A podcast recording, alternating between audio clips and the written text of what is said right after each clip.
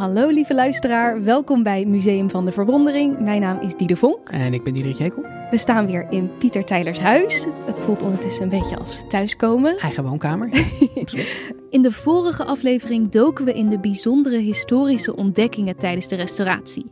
En nam conservator kunst Marleen Ram ons mede kelder in om meer te vertellen over haar zoektocht naar deze bijzondere stukken. Vandaag spreken we ook weer een heel bijzonder persoon, namelijk Frans van Lunteren. Hij bekleedt de Tijlers leerstoel. Nou, toen ik dat hoorde, dacht ik vooral: wat betekent dat? De Tijlers leerstoel, ja, die, die richt zich helemaal in de geest van Pieter Tijler op kennisbevordering. En eh, die is vandaag eh, de dag verbonden aan de Universiteit van Leiden. En dat is dus een plek waar je dus als, als hoogleraar, als professor dan dus zeg maar onderzoek kan doen. En de leerstoel die bestaat sinds 1928 en die is, uh, toen is hij ingesteld. En hij is opgezet toen uh, voor de wetenschapper, uh, de hele beroemde professor Lorenz, Hendrik Anton Lorenz. Hey. Die, die, daar hebben we het natuurlijk al vaker over gehad. In aflevering 9, geloof ik, ja. hebben we het erover gehad. Absoluut. En um, sindsdien hebben vele wetenschappers die, die leerstoel bekleed. En het, um, ja, het verbreiden van kennis over sterrenkunde en natuurkunde, ja, dat, dat was lange tijd uh, het, het centrale punt. Tot 1996 was het altijd een, een natuurkundige uh, die de leerstoel uh, bezette. En, maar sinds die tijd kan het ook de geschiedenis van de natuurwetenschappen het onderwerp zijn. Hij gaat ons wat meer vertellen over de genootschappen, hun rol toen en nu, want ze zijn er dus nog steeds. En ook delen in deze aflevering Frans, Filip en Herman wat over de bijzondere tradities die vandaag de dag nog steeds worden voortgezet in Tijlers Museum. Zo wordt bijvoorbeeld de verjaardag van Pieter Tijler nog elk jaar in zeer select gezelschap gevierd. En er is nog iets met kip en kabeljauw. Maar natuurlijk gaan we het met Frans ook hebben over de verlichting en wat dit nu nog voor ons betekent.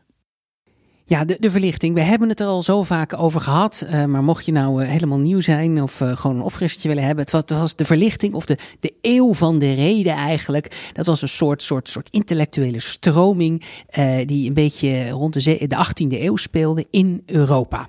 En het was eigenlijk um, een, een, soort reactie op daarvoor dat hele dogmatische geloofstructuur die er toen bestond. En in deze periode uh, ja, ontstond er een culturele stroming waar, waar intellectuelen als doel hadden eigenlijk om, om met het behulp van de reden en het filosoferen uh, om dingen te doorgronden, om dingen te begrijpen.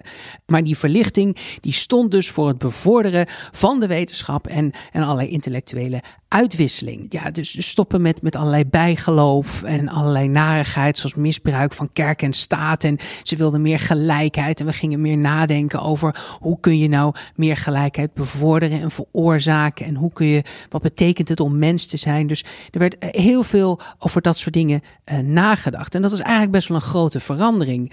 Um, rond 1700 was de helft van alle boeken die werden gepubliceerd nog gewijd aan, aan theologie, aan, aan geloof. Maar die verloor langzaam maar zeker steeds meer terrein aan, aan, aan reisboeken en allerlei wetenschappelijke andere verhandelingen. En, en die wetenschappers die deden vrij onderzoek, die gingen experimenteren en waarnemen. En die begonnen steeds meer weg te knabbelen aan, aan de, de theologie die toen uh, aanwezig was. En dat, dat levert natuurlijk ontzettend veel strijd en, nieuwe uh, revoluties op. Nou, bijvoorbeeld eh, een, een bekende is Isaac Newton, die, die liet zien dat er uh, de wetten die hier op aarde gelden, dat die ook uh, in het heelal gelden, zeg maar. En, en voor de filosofen gelden die wetten op, op allerlei vlakken, van sociale wetenschappen, geesteswetenschappen, gedragswetenschappen, natuurwetenschappen. En uiteindelijk zou de maatschappij veranderen door meer kennis en middelen. Dat was een beetje hun, hun idee. Um, nou, de, de boekenproductie explodeerde in de, in de halverwege de 18e eeuw. Um, en er waren ineens boeken waar dingen werden uitgelegd voor iedereen in begrijpelijke taal, in hun eigen taal. Uh, ook voor mannen en vrouwen. Uh, het was niet meer alleen in het Latijn. Dus je, je, had nu inderdaad ineens een encyclopedie in het Frans bijvoorbeeld, waardoor het veel toegankelijker was. Nou, en die encyclopedie, daar hebben we het ook al eens over gehad, um, die, die, die kwam tot stand halverwege de 18e eeuw, uh, of door Diderot en d'Alembert. En die, die waren hele grote, belangrijke mensen, leverden er allerlei um, uh, artikelen aan. En het was best wel spannend voor de, de machthebbende groepen in die tijd. Ik bedoel, daar hebben we het ook wel vaker over gehad. Kennis is uiteindelijk macht. Je kunt een bevolking onderdrukken door ze dom te houden. Je kunt mensen onderdrukken door hun informatie te sturen. En nou ja, eh, ook nu zou ik maar zeggen, is de propagandamachine wereldwijd volop aan de gang vanwege de oorlog die gevoerd wordt in, in de Oekraïne. Eh, nou, en dan zie je echt dat er een probleem ontstaat. Um, we kunnen het niet meer eens worden over feiten. En dat staat zo haaks, helaas, op dat verlichtingsideaal. Zij gingen ervan uit dat je, als je maar genoeg met elkaar discussieert, er uit een soort objectieve werkelijkheid kan komen. Ja, je kunt je afvragen of er überhaupt een universele waarheid bestaat uh, bij een, flink aantal onderwerpen. Um, vaak is het heel erg bepalend uh, hoe je eigen blik op de werkelijkheid is, wat je eigen achtergrond is, je eigen manier van kijken. Maar dat macht gevaarlijk kan zijn uh, voor een, onderdrukkende macht. Uh, van, dat is net zo relevant vandaag de dag als dat het toen was. Poetin wil niet dat de Russen zien wat er allemaal gebeurt in Oekraïne. En Oekraïne wil weer dat sommige dingen die daar gebeuren ook misschien door de westerse wereld weer niet gezien worden. Ik bedoel, beide kanten hebben dat natuurlijk in een enigszins wel hoe dan ook wel een klein beetje, zeg maar. De een denk ik wat meer dan de ander alleen. Um, hoe dan ook, uh, kennis is macht. En dat kan heel erg spannend zijn voor die overheersende groep. En zelfs bij zoiets als die encyclopedie, uh, die je hier uh, kan zien, die, die ondervond ook heel veel tegenstand. De, het bedreigende, bedreigde systeem was namelijk toen gewoon, je had adel, geestelijke en, en burgers. En de religie kwam onder vuur te liggen in die encyclopedie. En ook de politieke elite maakte zich zorgen omdat er steeds meer gezegd werd, hé, hey, die burgers, die moeten niet zo onderdrukt worden. En er werd van alles besproken in die encyclopedie. Uh, moeten sommige burgers uh, nou niet eens allemaal stemrecht krijgen? Is dat wel, wel oké? Nou, en dit soort uh, strijd voor, voor kennis en gelijkwaardigheid, die in de Franse Revolutie aan de gang was, die ervan uitgaat dat, dat kennis macht is en dat wie die, die, die informatie kan sturen, die heeft de meeste macht. En uiteindelijk hoe democratisch beschikbaar en openbaar die kennis ook is, hoe objectiever die is, dat zorgt uiteindelijk voor een betere maatschappij. En het bizarre is, dat gedoe van de Franse Revolutie is dus vandaag de dag gewoon aan de gang hier uh, in het oosten van, van Europa. Um, dus daarom denk ik dat het zo ontzettend belangrijk is dat we die, die zoektocht naar objectieve kennis en beschikbaar voor iedereen, dat je toch af en toe stilstaat bij hoe gefilterd de informatie is en hoe belangrijk het is dat we met elkaar daar heel erg voorzichtig mee zijn. Want informatie en kennis is echt gewoon macht. Ja. Nou heb ik een klein beetje als hobby uh, vind ik die verlichting heel interessant. Maar ik ben maar gewoon een natuurkundige. Dus uh, eigenlijk ben ik uh, zo ontzettend blij dat we gewoon iemand hier hebben die daar nog veel meer van af weet dan ik. die is natuurlijk de echte expert wat dat betreft. Ja, ik ben heel erg benieuwd wat Frans hier allemaal over te zeggen heeft. Dus laten we hem er gauw bij halen. Frans, we zijn er even bij gaan zitten. Ik voel me een beetje zoals misschien vroeger de genootschappen ook aan deze tafel zaten in de grote zaal ja, jij bent de hoogleraar Tijlers, of terwijl je zit op de Tijlers leerstoel, maar wat betekent dat nou precies? Nou, dat is een, eh, een, een vrij lange traditie eigenlijk, die bijna 100 jaar teruggaat. Dat is begonnen met uh, Lorenz, die hier uh, een tijd lang directeur van het fysisch kabinet was. Hè, zijn eigen laboratorium kreeg. Daar hebben jullie volgens mij ook al een uitzending aan gewijd. Zeker. En tegen de tijd dat hij overleed, net op dat moment, had de Tijlers Stichting besloten dat ze die samenwerking met Leiden wat meer formeel karakter willen geven. Want hij was, behalve dat hij hier werkte, was hij ook nog één dag in de week in Leiden. Ja. En zij wilden dus een bijzondere leerstoel speciaal voor Lorens in het leven roepen. Um, dat zou dan de Tijlers leerstoel zijn vanwege de Tijlers Stichting. Maar toen was hij net overleden, maar zijn opvolger als directeur van het fysisch kabinet, als Adriaan Fokker, die werd toen de eerste uh, bijzondere hoogleraar namens de Tijlers Stichting. Dus dat was de eerste bezetter van de Tijlers Leerstoel. En dat is eigenlijk een traditie gebleven. Dat is, uh, ik ben, als ik het goed heb, de vijfde Tijlers hoogleraar. Dus aanvankelijk waren dat natuurkundigen, omdat ze hier nog een natuurkundig laboratorium hadden. Alleen op een gegeven moment, dan zitten we al eind jaren ergens rond 596. Toen bedacht de Tijlers Stichting, ja, dat heeft eigenlijk niet zoveel zin om een uh, Tijlers leerstoel in te vullen met een natuurkundige, want die kan hier eigenlijk niet zoveel. Terwijl er ligt wel allerlei interessant historisch onderzoeksmateriaal met ons archief en onze collectie. Dus laten we nou iets anders gaan doen. We gaan het anders invullen. Het wordt nu een historicus, iemand die iets afweet van de geschiedenis van de natuurwetenschappen. En hoe ziet dat eruit? Wat, wat, wat doe je dan? Nou, het grappige is, er is niet een heel duidelijke invulling. Maar ja, de hoofdtaak is, ik, ik ben ook gewoon hoogleraar in Leiden. Dus mijn hoofdtaak is natuurlijk uh, gewoon ja, wat elke hoogleraar doet, namelijk een combinatie van onderzoek, van uh, onderwijs geven. Ik geef een aantal colleges in Leiden. En daarnaast allerlei organisatorische functies. Maar ik ben wel een soort, zeg maar, een soort vraagbaak. Ik heb vooral veel contact met, uh, met de conservatoren. En ik heb een aantal uh, onderzoeken begeleid aan de geschiedenis van Tyler. Er zijn een aantal, een aantal promoties, een aantal proefschriften geschreven. Eén ging over de instrumentencollectie en één over de mineralen- en fossiele collectie. Dus ik begeleid dat soort type onderzoek. Het is al vaak voorbijgekomen in de afgelopen afleveringen, die genootschappen. Maar wat zijn die genootschappen precies? Wat doen ze? Ja, ook dat, dat, dit gaat letterlijk terug op het testament. Dus in het testament stond dat er twee genootschappen moesten komen. Uh, het eerste genootschap, dat heet officieel het Godgeleerd Genootschap. Dus daar zitten mensen uit de wereld van de religie in. Dus daar is de taak vooral uh, religiebevordering. He, dat was een van zijn doelstellingen. En het andere genootschap, dat is eigenlijk een genootschap voor kunsten en wetenschappen, maar dat heet officieel het tweede genootschap. Dus je hebt het godgeleerde genootschap en het tweede en tijdens tweede genootschap. En het zijn allebei enorm kleine genootschappen. De meeste 18e eeuwse genootschappen die kenden honderden of zelfs duizenden leden. Uh -huh. Maar deze kenden er maar zes. En wie zitten er dan precies in zo'n genootschap? Hoe wordt dat opgedeeld? In het tweede genootschap is dat sinds oudsher zit daar een natuurkundige in, een bioloog, een letterkundige, een uh, algemeen historicus, een kunsthistoricus vanwege de kunsten en een numismaticus. Dat is iemand die alles van munten en penningen afweet.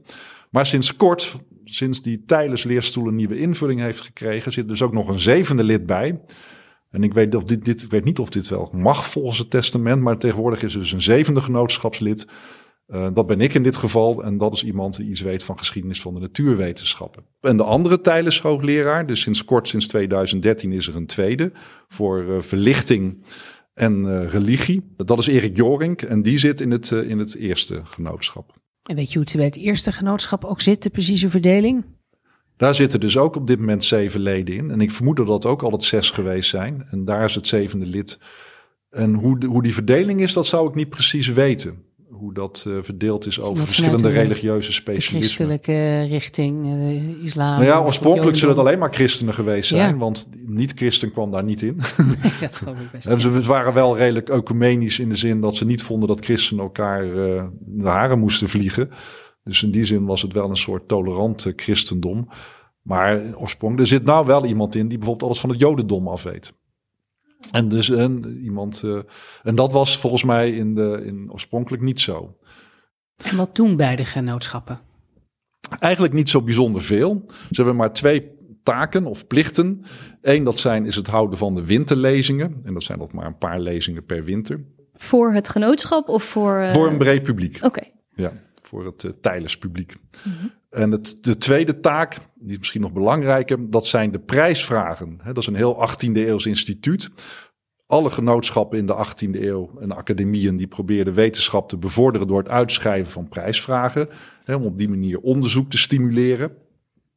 En dat gebeurt nog steeds elk jaar. Dus elk jaar een prijsvraag van het Godgeleerd Genootschap en van het uh, Tweede Genootschap. Dus om de beurt schrijf je zo'n prijsvraag uit. Die van, op dit moment staat die van mij open, geloof ik.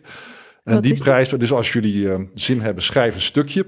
Ja, want prijs, prijsvraag klinkt alsof Jan en allemaal mee mag doen. Ja. Maar dat is ook zo dus. Ja. Maar het klinkt ook alsof het hele ingewikkelde wetenschap. Nou ja, kijk, als, als een bioloog of natuurkundige die prijsvraag uitschrijft, dan heb je natuurlijk kans dat het um, redelijk specialistisch is. Ja. En dat je bioloog of natuurkundige moet zijn om daar een fatsoenlijk antwoord op te geven. Uh, de prijsvraag die nu open staat, dan moet je voor 1 januari 23, geloof ik, moet de inzending binnen zijn. Dat gaat over wisselwerkingen tussen de geesteswetenschappen en de natuurwetenschappen. He, die Oh. zijn sinds de 17e eeuw steeds meer uit elkaar gedreven. Maar als je goed kijkt, dan zie je eigenlijk tot bijna tot de dag van vandaag, zie je toch wel allerlei subtiele wisselwerkingen tussen enerzijds zeg maar, de geesteswetenschappen, dus vakgebieden als letteren en geschiedenis, en ander, anderszins uh, vakgebieden als uh, ja, natuurwetenschappen. Hè? Bijvoorbeeld uh, ja, de taalkunde, het werk van Chomsky heeft een zekere invloed gehad op de opkomst van de computertalen. De computerwetenschap, nou, is een typische beta-wetenschap, maar die is sterk beïnvloed door werk op het gebied van de, van de taalkunde. Dus dat soort, als je goed kijkt, dan vind je dat soort invloeden wel degelijk gedurende de afgelopen honderden jaren. Dus nou, de prijsvraag wil dus dat iemand daar iets verstandigs over zegt of wat voorbeelden geeft en dat een beetje veralgemeniseert. Oh. Dus zoiets. Want daar, daar hebben we het heel vaak over in deze podcast. Want dat komt natuurlijk bij Tylers Museum ook zo samen, die natuurwetenschappen en de geesteswetenschappen. En, en religie, hè? Het was, één, was één samenhangend geheel. Ja, dit is nog de tijd dat dat van de eenheid van het goede, het schone en het ware en dat is in de 19e eeuw is dat langzaam maar zeker allemaal uit elkaar gegaan. Dus dat oude encyclopedische ideaal, wat je hier nog heel sterk vertegenwoordigd vindt, mhm. dat is langzaam maar zeker. we hebben ons allemaal eh, van elkaar weggespecialiseerd. Ja, kan je daar iets meer over vertellen? Dat, uh, want we hadden het daar net ook al eventjes over, dat, uh, dat encyclopedische ideaal en uh, de verlichting. Hoe, hoe kijk jij daarnaar? Uh, nou ja, ik, ik, dat spreekt mij in die zin aan. Kijk, de, de meeste wetenschappers zijn mensen die vrijwel alles weten van vrijwel niks tegenwoordig. Hè? Het is allemaal super gespecialiseerd. Ja. Um, ik vind het leuker om een klein beetje van vrijwel alles te weten. Dus ik vind misschien dat ik daarom ook... Ik heb natuurkunde gestudeerd, maar ik ben van het rechte pad gedwaald. Waar ik nu als historicus mijn, uh, in mijn levensonderhoud voorzie. Maar ik, ik, vind het leuke van het vakgebied wetenschapsgeschiedenis dat het heel generalistisch is. Zeker als je nou wat verder in het verleden gaat. Het raakt, wetenschap raakte vroeger heel sterk aan kunsten, aan religie, aan economische kwesties, aan politiek. Eigenlijk raakte het overal aan. Hè? Alles was naadloos met elkaar verstrengeld. En eigenlijk is dat pas in de 19e eeuw zijn al die verschillende aspecten los van elkaar geraakt, steeds meer. De hele maatschappij is steeds meer gespecialiseerd geraakt. En tegenwoordig is wetenschap iets voor superspecialisten. En ik vind het leuker om me straffeloos met allerlei zaken bezig te houden. Dus dat vind ik het leuke van het vakgebied van de geschiedenis van de, van de natuurwetenschap. En wanneer stop je eigenlijk bij zo'n genootschap? Mag je, zit je daarin voor het leven of mag je er gewoon ook weer uit? Uh, je zit daarin uh, voor het leven. Ja, je kunt natuurlijk zelf uh, eerder ophouden als je, als, als je er gewoon domweg daar geen tijd voor denkt te hebben. Maar zoveel tijd kost het niet. Maar in principe zit je ervoor in het leven. Het is wel zo dat je op een gegeven moment ga je over tot de rustende leden. Dan ben je nog wel welkom op alle bijeenkomsten, de vergaderingen. Maar je hoeft dus geen lezing meer te houden en geen prijsvraag uit te schrijven. Dus bij de genootschapsbijeenkomsten zijn er altijd veel meer dan die zeven leden. Namelijk ook een stuk of wat, een stuk of vier, vijf eh, rust, zogenaamde rustende leden. Dat zijn dus. En dat is geloof ik, maar dat is volgens mij na je zeventigste dat je tot de rustende leden overgaat. En dan komt er dus een opvolger. En die worden door de genootschappen dan zelf gekozen, die opvolgers. Maar die moeten dan wel weer in dat specifieke vakgebied actief zijn. Precies, van degene die uh, rustend. Als een letterkundige weggaat, dan moeten we wel dan komt er een nieuwe. Ja. En meestal doet dan de zittende letterkundige zelf een suggestie voor een nou opvolger. En dan uh, wordt dat uh, in dank aanvaard en geaccepteerd door de andere genootschapsleden. En wat vind jij nou het meest bijzondere aan Tylers Museum? Aan Tylers Museum is alles uh, bijzonder. nou ja, het, het, gewoon de historische sensatie vooral. Ik vind het, het is een prachtig museum met een hele mooie collectie. Maar als je door het museum loopt, omdat het zo in de tijd bevroren is, ja, het is een beetje een cliché en iedereen merkt dat op, maar het is zo. Het is een tijdmachine. En dat gevoel bekruipt je aan alle kanten. Dat je echt, uh, je hebt het gevoel dat je gewoon de 18e of 19e eeuw inwandelt. Ook omdat die collectie eigenlijk nog steeds is zoals die ooit aanvankelijk uh, ingericht is. En dat is iets wat, je, wat ik nergens anders ken in die mate. Dat, is, dat, blijft gewoon uh, fascinerend. Los van natuurlijk alle prachtige dingen die ze hier hebben. En dat wordt dan nog versterkt door allerlei merkwaardige tradities. Die letterlijk op het Oude Testament teruggaan en die nog steeds het testament van Tylers, niet dat we het hebben over het eerste deel van de Bijbel. Dat, dat oude testament, van Tylers, de laatste wil van Tylers, goede correctie. Ik dacht ook even, dit gaat wel een stuk verder terug. Heel oud. die geschiedenis is nog ouder. Nee, maar die gaan terug op het testament van Tylers zelf. Hè, dus het 18e eeuwse testament, wat hij in de jaren 50 of 60 lang voor zijn dood heeft vastgelegd. En die tradities worden hier uh, in ere gehouden. En ook dat, ja, dan verval je ook in de ene naar de andere verbazing als je bepaalde dingen meemaakt zoals dat hier nog, nog gaat. En dat, ja, dat is fascinerend. Waar, waar denk je dan aan? Wat voor een traditie? Nou, een van de hoogtepunten uh, die ik heb meegemaakt. En ook dat was een grote verrassing, daar had ik nog nooit van gehoord. Dat is de jaarlijkse kunstschouw. In de 18e eeuw was dat heel gebruikelijk, dat mensen dan bij elkaar kwamen om gezamenlijk kunstwerken te bekijken en daarover te praten. Maar is het, is het aanschouwen of een schouw als in dat je een soort onderzoek doet naar, naar een overleden iemand of iets? Of de, nee, het is meer denk ik vrij letterlijk het schouwen van het kunst. Aanschouwen, zeg maar. Dus je bekijkt gewoon kunstwerken en daar mhm. praat je dan met z'n allen over. Um, en dat gebeurt hier nog steeds elk jaar. Dus al, dat is al een traditie die teruggaat op de 18e eeuw. Maar dat wordt nog steeds in eer gehouden. En als ik het goed heb, is dat op de verjaardag van Tyler, 25 maart. Mhm. Dan worden er twaalf mensen uitgenodigd. Dat zijn, ja, dat, die, dat zijn vaak uh, uh, mensen die uit de politiek of uit de cultuur of uit de sportwereld. Die worden uitgenodigd. En de conservator die zoekt dan uit het, eh, de, de rijke schat aan prenten en tekeningen van Tyler. Die zoekt daar een aantal uit rond een bepaald thema. En die mensen zitten dan uh, nou, in zo'n kamer als dit, rond een tafel met z'n twaalfen. En die conservator die, die laat dan zo'n uh, prent zien, iets van Rembrandt bijvoorbeeld. En dat, daar vertelt hij dan wat over. En dat wordt, hè, dat wordt dan doorgegeven. En dat bekijk je dan samen met jouw uh, buurman of buurvrouw, tafelgenoot met z'n tweeën. En dan praat je daar samen over. En dan zit je dus met een originele Michelangelo of een Raphaël of een Rembrandt in je handen. Oh, en dan denk je, maar om het nog erger te maken, zit je dus ook met een goudse 18e eeuwse pijp. Um, zit je daar te roken. Mm -hmm. En er zitten ook allerlei 18e eeuwse vettige zoutjes, hapjes. Dus je binnen de kortste keer sta je doodsangsten uit dat je met jouw pijp een gat door een Michelangelo heen brandt.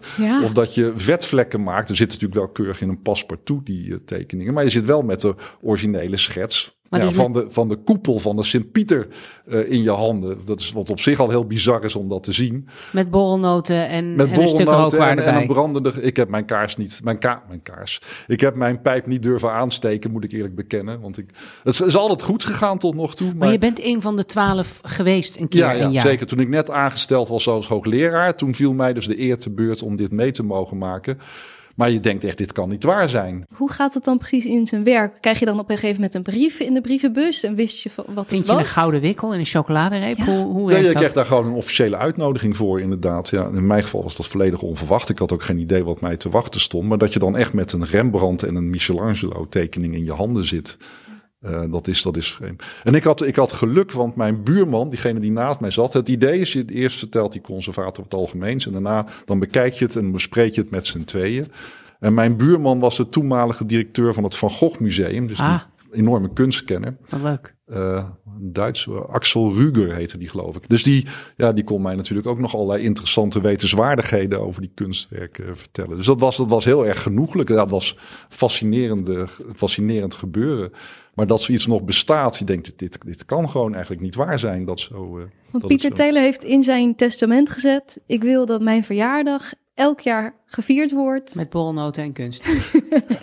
ik denk niet dat dit in de testen. Ik weet het eigenlijk niet. Ik denk niet dat dit niet op zijn verjaardag. Dat zal hij niet erbij gezegd hebben. Mhm. ik, ik, weet niet of dit in het testament staat. Of dat dit gewoon een, een traditie is van Tyler. Die sinds uh, begin in ere gehouden is. Ja.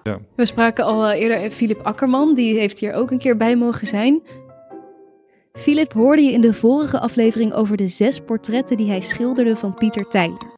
Maar ook hij werd een keer uitgenodigd voor deze mysterieuze kunstschouw. Hij deelt zijn ervaring.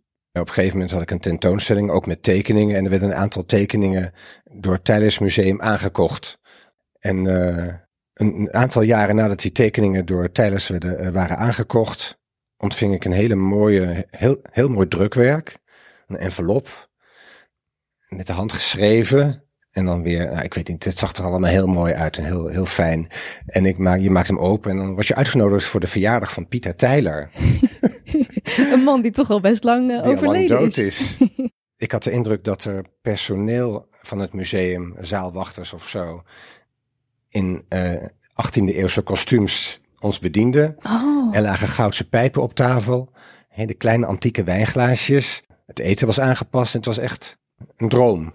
Je, je, je was even in een andere tijd. En als klap op de vuurpijl kwamen er originele topstukken tekeningen. Geen facsimile reproducties, maar echt We hadden de echte tekeningen in onze handen.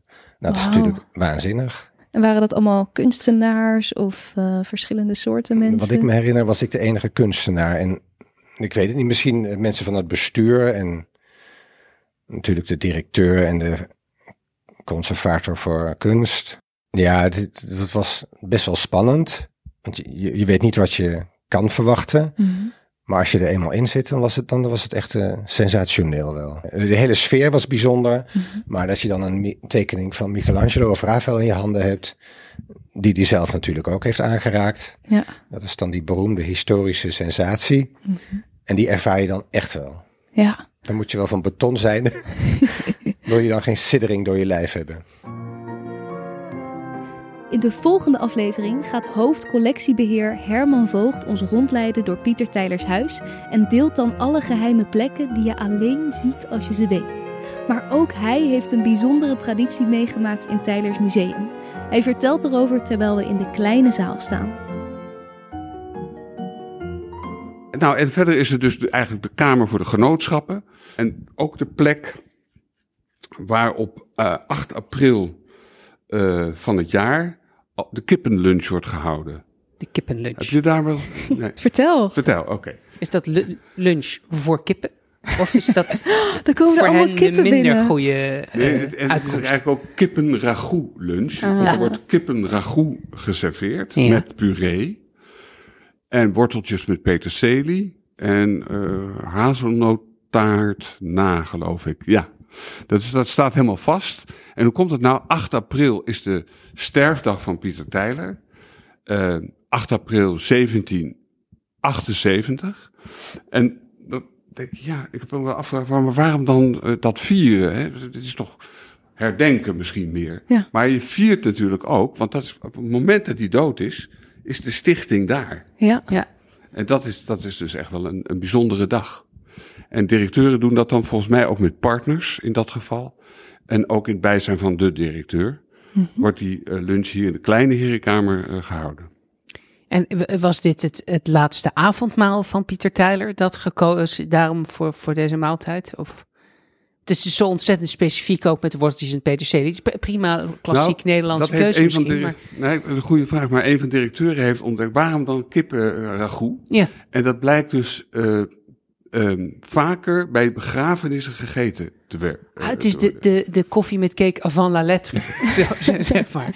Oké, Ja, Oké. dat zou je kunnen zeggen, ja. ja, wat goed. Oh, maar dat, maar dat heeft een, van de directeuren heeft dat zelf eh, eh, onderzoek naar gedaan. Ik wil wel nu gewoon voor de record stellen, mocht ik op een gegeven moment hopelijk over een flinke tijd komen te overlijden, dat er dan wel kippenragout of een veganistisch vegan, alternatief eh, inderdaad dan. Maar eh, voor de mensen die kip op een be- begrafenis eten, maar dat er wel... eh, Ja? Zoiets Oké, gaan we Ja, regelen. Op die kippenragout lagen dan zogenaamde, dat hoort ook nog, fleurons, hè? dat is de naam. is dat bladerdeeg, toch? Eh, Bladerdeeg, eh, halve maandjes. Deden ze nog iets speciaals bij die kippenlunch? Of is het gewoon eten en... eh, Eh, gewoon eten en dan vervolgens eh, plakten ze daar dan wel een directeurenvergadering aan vast. Maar dat is dan weer in de grote zaal. Precies. de, de kleine zaal werd door de butler dan weer opgeruimd. Ja. En nog steeds doen ze de kippenlunch, toch? Ja, ja, ja. Dat blijft gewoon doorgaan. ja. En zijn er meer voedselgerelateerde tradities in? Jazeker. in het- Nee, oh. Oké. Nou en of. Overtuigend, nou. Er is de, de belangrijkste dag voor de genootschappen en de stichting. Dat is eh, de eerste vrijdag in november. Dan is de vergadering. Waarbij zowel de genootschappen vergaderen als genootschappen en directeuren samen vergaderen. Dus de jaarlijkse, dus daar, daar moet je bij aanwezig zijn. En dan is er ook een, een soort 18e eeuwse lunch.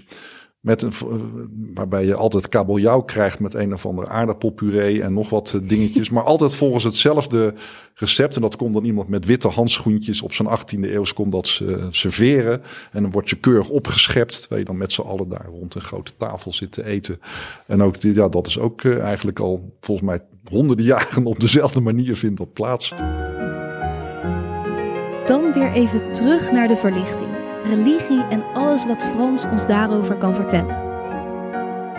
Ja, vroeger had de natuur had nog een duidelijke morele waarde en natuurwetenschap ook. Want als 18e eeuwse natuurwetenschapper onderzocht je Gods schepping. Dus wat je daar voortdurend aantrof waren bewijzen voor de goedheid van God, die alles zo mooi voor de mens gemaakt had. En, ehm, en, en de wijsheid en de, uh, de, de almacht van God. Dus wetenschap zelf had een heel directe religieuze betekenis, die in de 19e eeuw helemaal verloren is geraakt. Dus ook een morele betekenis. En in, die zin. Uh, ja, juist die, die, die religieuze dimensie was ook binnen deze constellatie van Tyler. Zeker voor directeuren was dat heel erg belangrijk.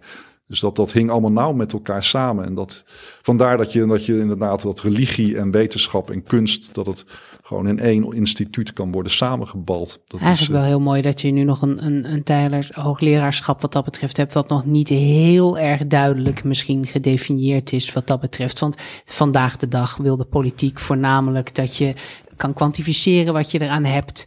Uh, dat, het, dat het heel erg gedreven is in een, in een soort dat je al weet waar het naartoe gaat bijna. En dat er ook neergekeken wordt op dit moment enorm op de geesteswetenschap. Het is vreselijk moeilijk om gewoon geld te krijgen voor fundamenteel onderzoek in de geesteswetenschap. Ja, vertel mij wat. Natuurkundigen hebben het veel makkelijker wat dat betreft. Zeker, nee, nee, 90% van het, van het onderzoeksbudget is voor voor natuurwetenschappen en geneeskunde en, en techniek. Dat is zeker waar. Oh, in, Japan, in Japan hebben alle eh, staatsuniversiteiten inmiddels de faculteiten geesteswetenschappen afgeschaft als uh, tamelijk nutteloos. Nou, zo erg is het hier nog niet.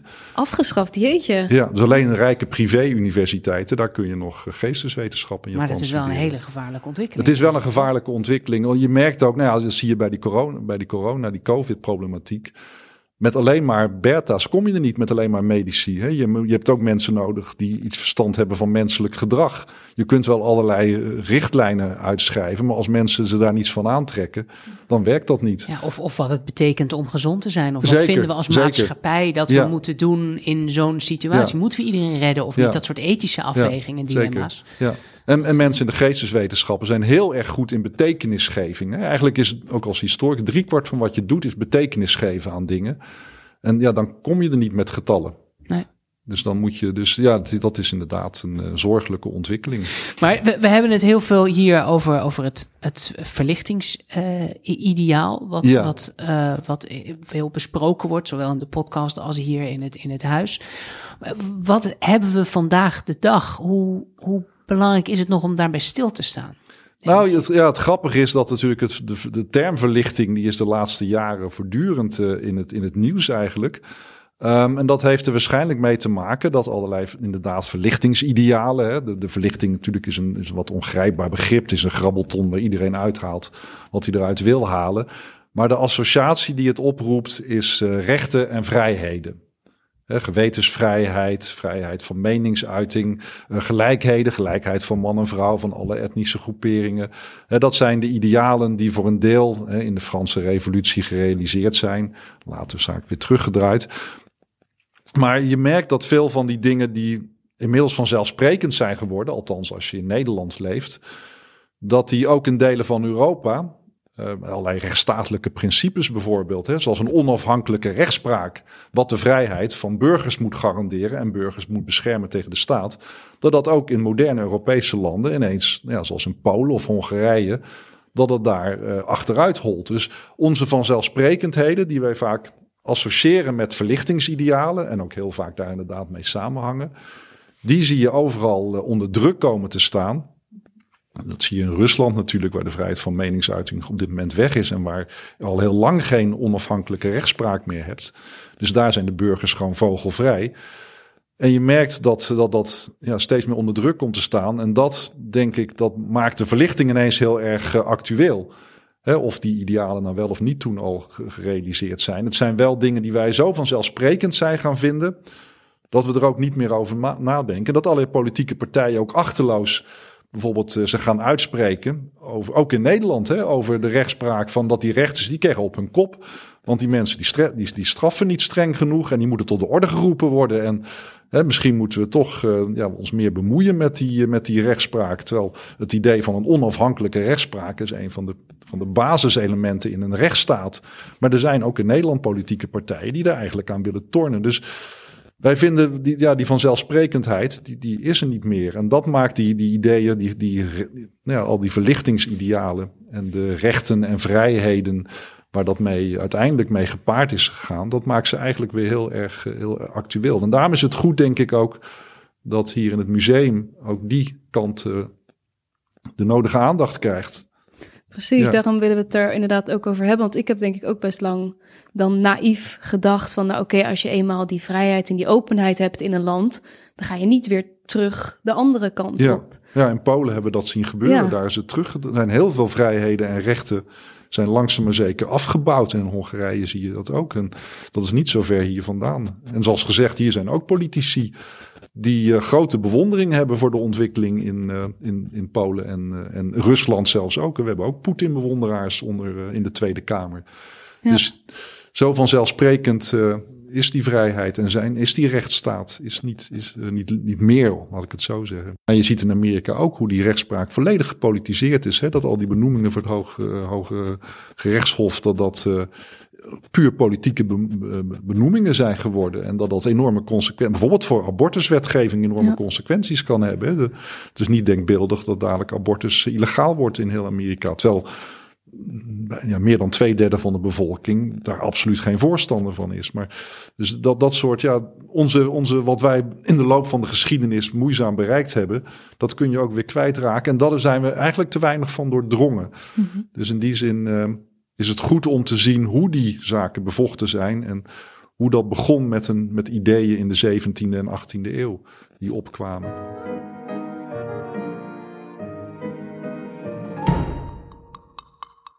Nou ben ik nog wel benieuwd voor het, um, het, het, tweede genootschap met, met uh, uh, meer de, de natuurwetenschap en de kunst. Dat zie ik duidelijk hier terugkomen in het museum. Maar het eerste genootschap, dat vind ik dan nog wat, wat moeilijker grijpbaar hoe dat zijn weg vindt hier in het museum. Ja, die, ja dat, dat is waar. Die, de link tussen museum en tweede genootschap is veel sterker dan die tussen eerste genootschap. Want je ziet uh, eigenlijk weinig van, uh, van religie in het museum Heel terug. Weinig, hè? Ja. Helemaal niets eigenlijk. Nee. En dat geldt zelfs merkwaardigerwijs voor de bibliotheek. Maar hè, die bibliotheek is trouwens een van de misschien wel de belangrijkste collecties in het museum. En, maar daar zie je heel weinig boeken over religie bijvoorbeeld. Ja. Dus ook daar komt dat toch eigenlijk weinig terug. Ja. Maar is het niet ook, um, ik heb het zelf altijd heel maar misschien is dat omdat ik er te weinig van af weet, maar altijd interessant gevonden dat we volgens mij een component van de verlichting is ook dat er wat meer uh, aan religie getornd en getwijfeld zeker, wordt, eventueel. Zeker. En dat juist op het moment dus van misschien wel de hoogtijdagen van, van de verlichting en het verlichtingsideaal, als Pieter Tijler over, overlijdt, wordt er dan een, worden dan twee genootschappen gesticht, waaronder één die, die zich bezig is met die godsgeleerdheid. Ja. Ja, hoewel, ja, nou, er is een soort misverstand dat de verlichting inherent anti-religieus was. Dat is helemaal niet zo, want uiteindelijk vindt Immanuel Kant, de grote verlichtingsfilosoof, die vindt de moraal, uh, en dat is voor hem echt een religieuze christelijke moraal, is uiteindelijk veel belangrijker dan het reine vernoemd, dan het zuivere verstand. En ook Spinoza vond uiteindelijk vond hij het christendom het belangrijkste wat er was. Dus de, de Nederlandse verlichting is zeker niet anti-religieus. Wat je wel ziet in de verlichting, dat is wel een algemeen aspect. En dat zie je ook bij Tijlen zelf. Het is heel erg gekant tegen religieuze scherpslijperij. Wat in die zin dat? is, nou ja, al die dogmatiek, dus al die regeltjes van dit moet je geloven. En als je dat niet gelooft, dan ben je een ketter. Oh, ja. He, zo bij, zowel binnen het Lutheranisme als binnen het Calvinisme als binnen de katholieke kerk had je een aantal leerregels. En elke lid van die kerk die moet dat geloven en anders is die, dan hoort hij er niet bij en dan deugt hij niet. En het grappige is, Tijlen zelf, die was lid van de doopsgezinde kerk. Hè, dat was een minderheid in, uh, in Nederland. En de doopsgezinden hebben traditioneel hebben een aantal eigen aspecten. Hè. Bijvoorbeeld ook dat je kinderen niet doopt. Dat moeten, die mensen moeten er zelf voor kiezen als ze zeg maar 18 jaar zijn of ouder.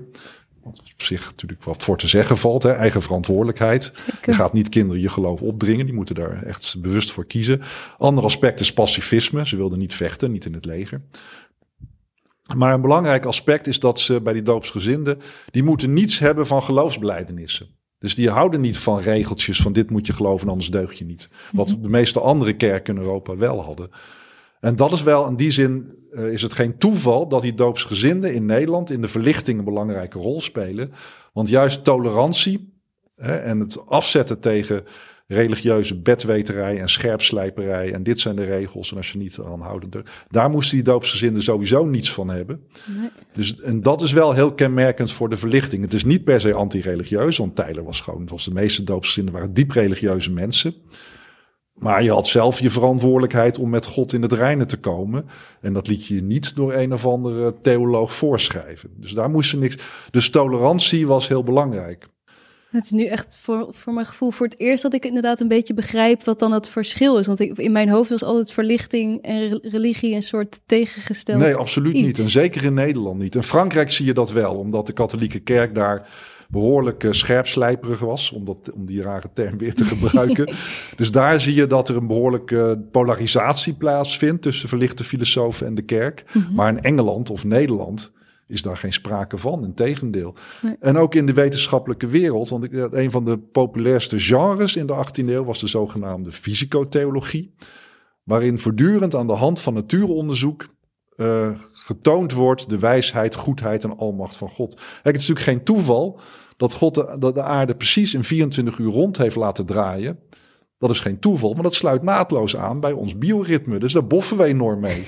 Als die twee keer snel tegen, oh, we hebben een probleem gehad. Daarom is het ook heel vervelend dat geknoei met die zomer- en wintertijd, waar iedereen last van heeft. Mhm. Ja, God heeft niet voor niets die aarde precies in dat tempo rond. En als je goed gaat zoeken, dan vind je in elk uithoekje van de natuur, vind je niet alleen maar dingen die heel duidelijk doelmatig zijn aangebracht in de schepping, maar vooral ook met het oog op, uh, op het menselijk heil en menselijk welzijn. Het is eigenlijk een beetje de voorloper van intelligent design van ja, nu, zeg maar. Ja, maar dat genre was heel... En de meeste ja. wetenschappers die vonden dat van strek van zelfs. He, dat paarden lekker ruiken, dat komt omdat die beesten bedoeld zijn om ons te dienen. nou, dat, dat vind je in die boeken, dit Oh, soort argumenten. En die staan er ja. helemaal vol mee. En Kant was daar nogal kritisch over. Maar voor de meeste natuurwetenschappers was dit van strek vanzelfsprekend.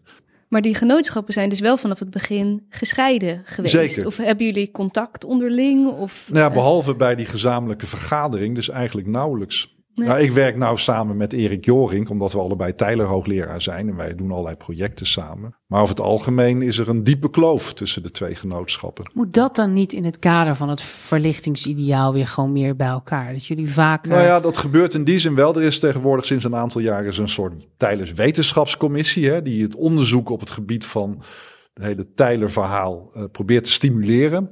En daar zitten zowel mensen uh, uit het museum zelf, hè, de conservatoren, als uh, mensen uit de stichting, de twee Tijlers hoogleraar, maar ook mensen uit de beide genootschappen zitten daarbij.